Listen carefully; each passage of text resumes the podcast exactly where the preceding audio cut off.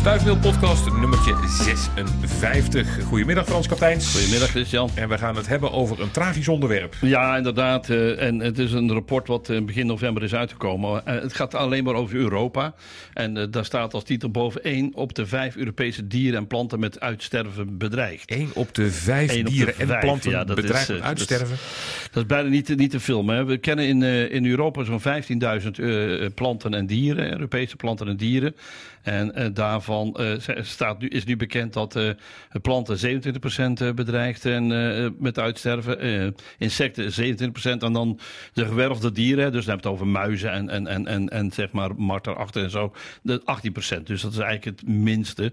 Ehm, ze hebben ook onderzocht van wat, wat nou die oorzaak is waarom die diersoorten achteruit zijn gegaan. Ja. En eh, nou ja, dan komt toch weer naar boven toe dat intensivering van de landbouw. We hebben het al in verschillende podcasts eerder over gehad. En ook al vorige podcast kwam het eigenlijk een beetje naar voren toen in de ruilverkaveling. Dat intensiveren van die landbouw, dat heeft er toch voor gezorgd dat eh, zeggen de onderzoekers in heel Europa, want het gaat niet alleen maar over Nederland, dat dat de aanjager is van de achteruitgang. En dan vooral van dieren of van planten? Of van, Van, van alles, hè, van dieren en planten. En, en hoe, hoe zit dat dan? Van hoe komt het dan dat er meer en intensiever dus aan veehouderij wordt gedaan? Dat dat dan juist betekent dat dan planten en dieren daardoor moeten wijken? Ja, Anderen. precies. Nou, ten eerste eh, zijn al die eh, eh, zeg maar, ehm, eh, landerijen dichter bij huis gelegd. Ja. Krijgen grotere blokken, zeg maar, bijvoorbeeld graslanden. Of grotere blokken aardappelvelden. Ik ken dus een Brabant aardappelvelden van 500 hectare.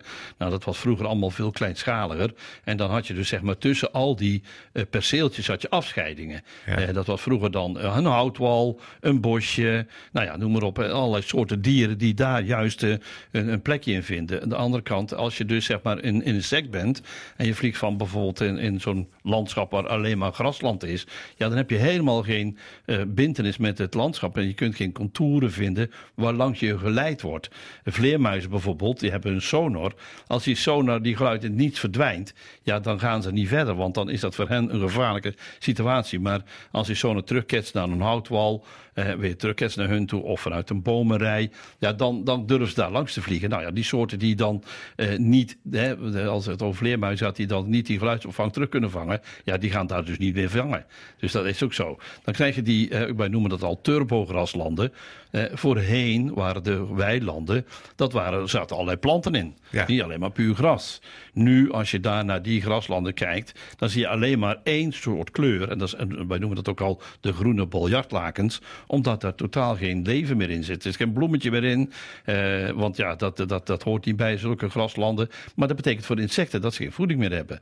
Dus da- daar, daar ligt het dan aan. Dus zeg maar door de versterkte eentonige monocultuur te kweken, dus één, van één soort, ja, krijg je dus ook geen variëteiten meer, maar ook geen soorten meer. Nee, en die soorten gaan dan niet zich ergens anders weer naartoe verplaatsen, maar verdwijnen voor een Ja, deel. ja ze, kunnen, ze kunnen wel naar plekjes toe gaan eh, waar, waar nog ruimte is. Maar dan moeten ze alleen die ruimte zien te vinden. Nou ja, als je dat landschap dan zeg maar verdeelt in pure, kale, agrarische turbokraslanden. Ja, dan, dan wordt het ook veel lastiger voor insecten. Stel die aan de ene kant is een bosje. Dan krijg je zo'n gigantisch groot grasland, eh, velden. Ja. Aan de andere kant ook een bosje. Maar ja, een insect die, die, kan daar niet, die, kan daar niet, die kan dat niet vinden. Want die kan die overbrug niet maken. Hetzelfde als ik, eh, of jij in de woestijn wordt neergezet, in die grote woestijn. Nou, dan kom je ook niet uit. Snap je? Nee. Dus, eh, en dat, dat is wat er gebeurt. Hè. En onderweg, stel dat er een dappere is die wat verder kan gaan. Dan moet hij onder, onderweg toch bij kunnen tanken. En dat is dan nectar of stuifmeel of een, of een blaadje. Ja, als dat ook niet Nee, is, is het ja, dan niet. dan houdt het dan ook op natuurlijk. Hè? Dus dat is toch wel in ieder geval heel eh, belangrijk. Wat ook in het rapport naar voren komt, dat is toch ook goed om te benoemen. De negatieve rol die klimaatverandering eh, zeg maar, de, de komende jaren gaat opleveren. Daar ga ik daar eventjes over hebben, maar even terug naar die eh, intensivering. Eh, dat betekent de soorten die dan ook uit het sterven zijn, zijn dus ook inderdaad soorten die juist in die ja, kleinschalige zeg maar, omgevingen leverden. Kijk, in de natuur gaat het goed, in de natuurgebieden. Maar het is juist die, die, die tussenschakeling tussen stad en zeg maar, natuurgebieden.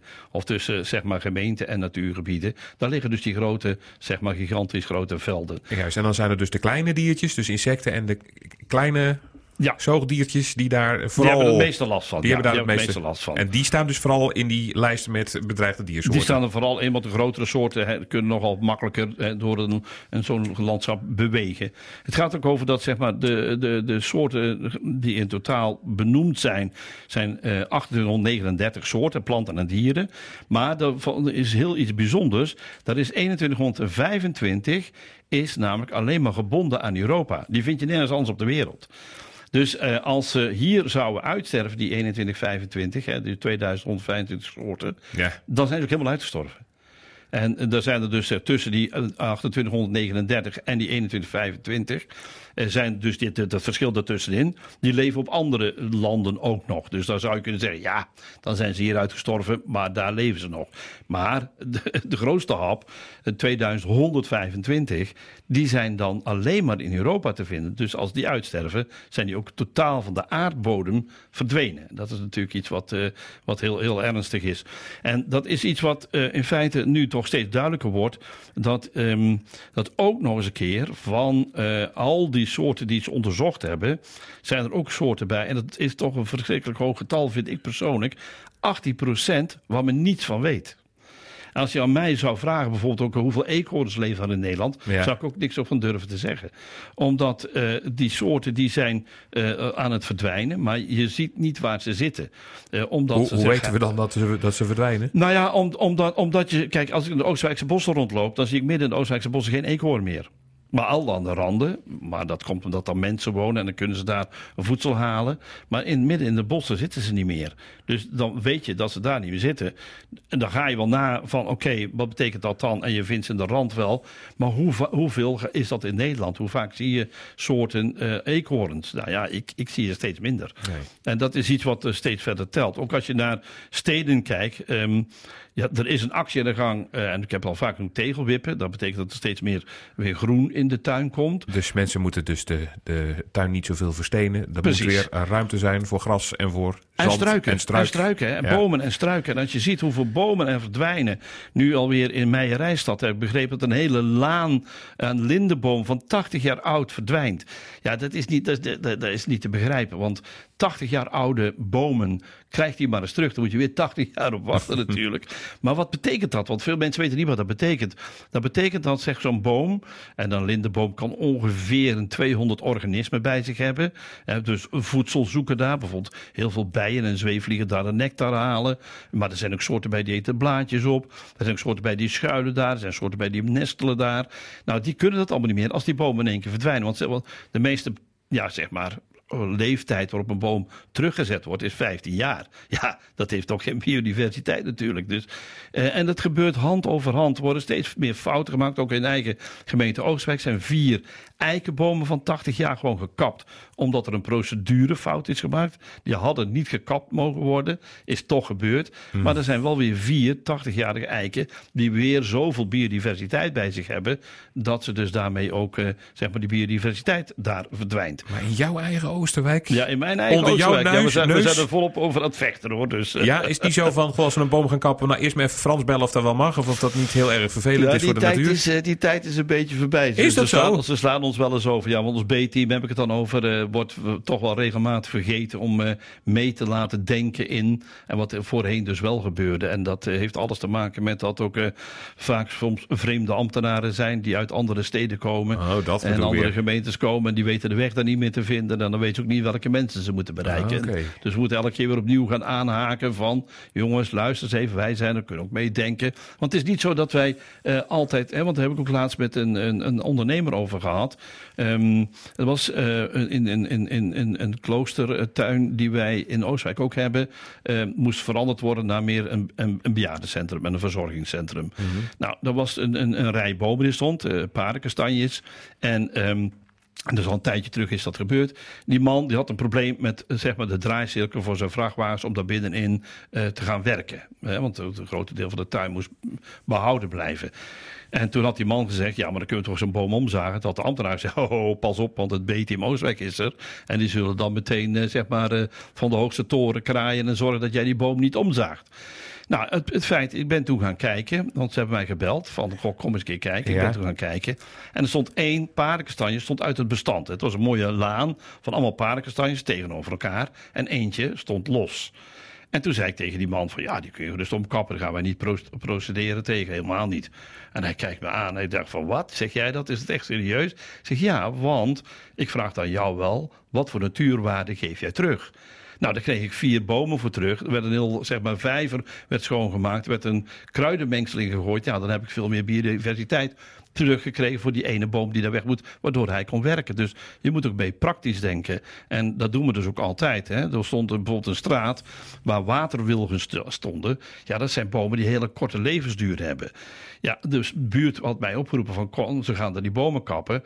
Wat doen we er tegen Frans? Ik zeg ja nee, we gaan die laten kappen. Want ik neem niet de verantwoordelijkheid van die bomen die dan al te oud zijn en dan in een storten zijn. Dat er zo'n grote tak op een fietser valt die dan de mors dood ondervalt. Die verantwoordelijkheid nemen niet. Dus die bomen moet je gewoon kappen.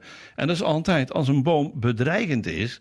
Kijk, een boom heeft net zoals mensen een bepaalde leeftijd. Mhm. En als hij ziek wordt, is dat eerder zijn leeftijd afgelopen. Ja. Kijk er goed naar want je moet oppassen dat je dus niet uh, zeg maar, de veiligheid van de mensen in gevaar brengt. Dat is een heel belangrijk iets.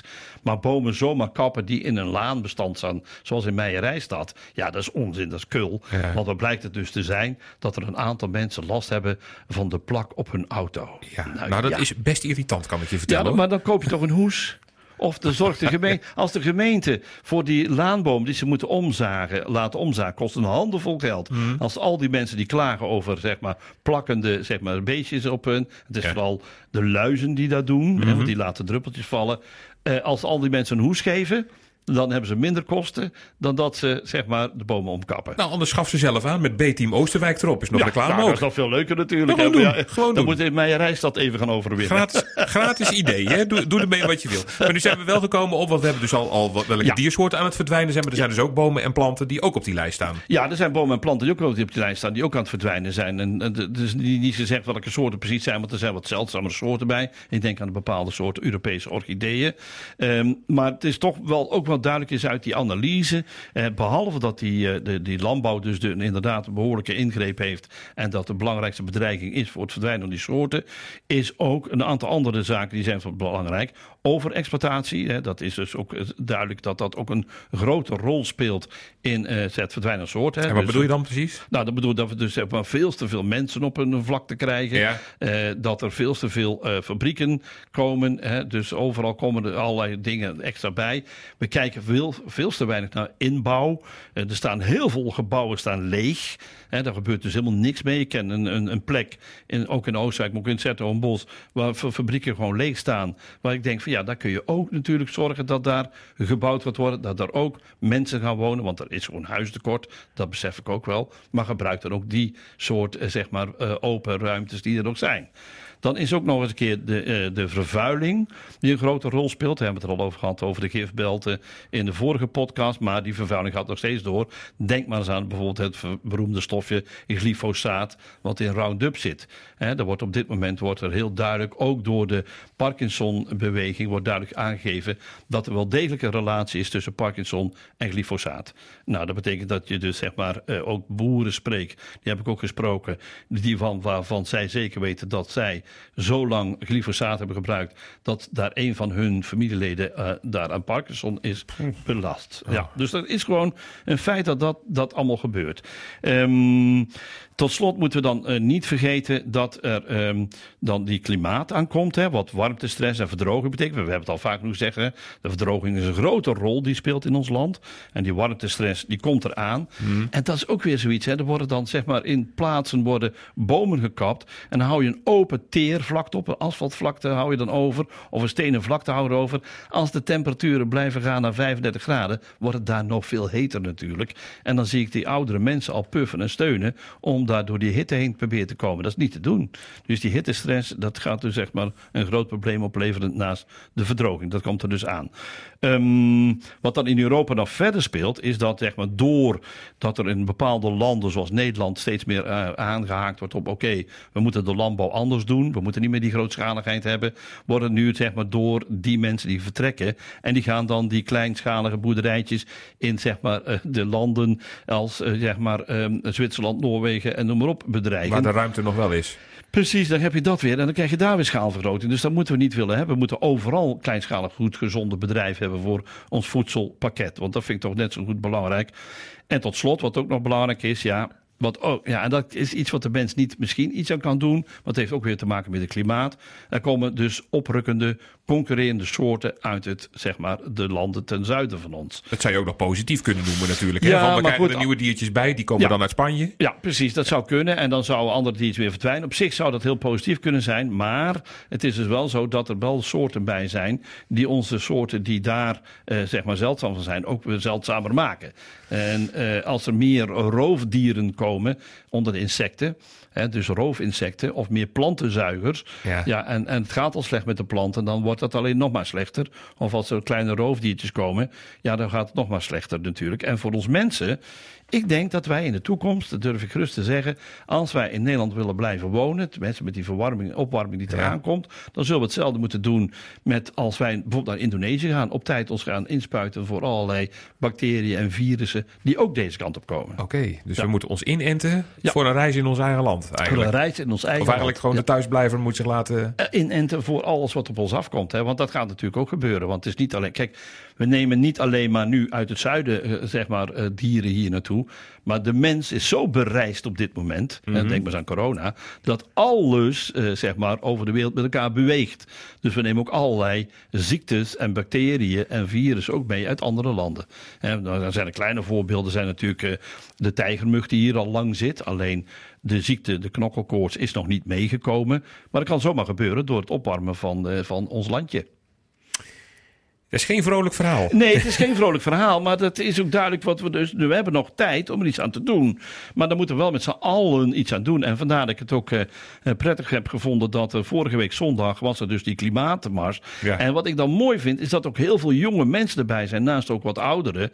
En het deed mij een beetje het gevoel geven van die anti-atoomwapenmarsen die er toen de tijd waren in Europa, zowel Amsterdam, Brussel en noem maar op. Nu, dit klimaatmars is ook een teken van dat jongeren toch wel eerder aan het beseffen zijn dat er iets moet gebeuren en dat nog niet te laat is, maar dat we nog op tijd kunnen Dus zijn. dat is het goede nieuws. Daar waar Ja. we dan, het is nog niet te laat. Er kan nog Ja, wat. ja, er kunnen nog wat. Maar dan moeten we ook gewoon doorgaan met de verkleining van onze landbouw. Op een andere manier landbouw bedrijven. Doorgaan met meer kijken voor inbouw. Meer kijken naar lege locaties die gebruikt kunnen worden om mensen te laten wonen. Tegels uit de tuinen. Tegels uit de tuinen. Struiken, planten erin. Boompjes laten staan die oud zijn en niet allemaal omkappen. Juist. En eh, als je advies wil hebben bij alles wat je zelf kunt doen, mail Frans, Ja. stuifmail.omroepbrabant.nl. Kan hij je helpen. En als je nog vragen aan hem hebt of opmerkingen of wat dan ook, kan daar ook.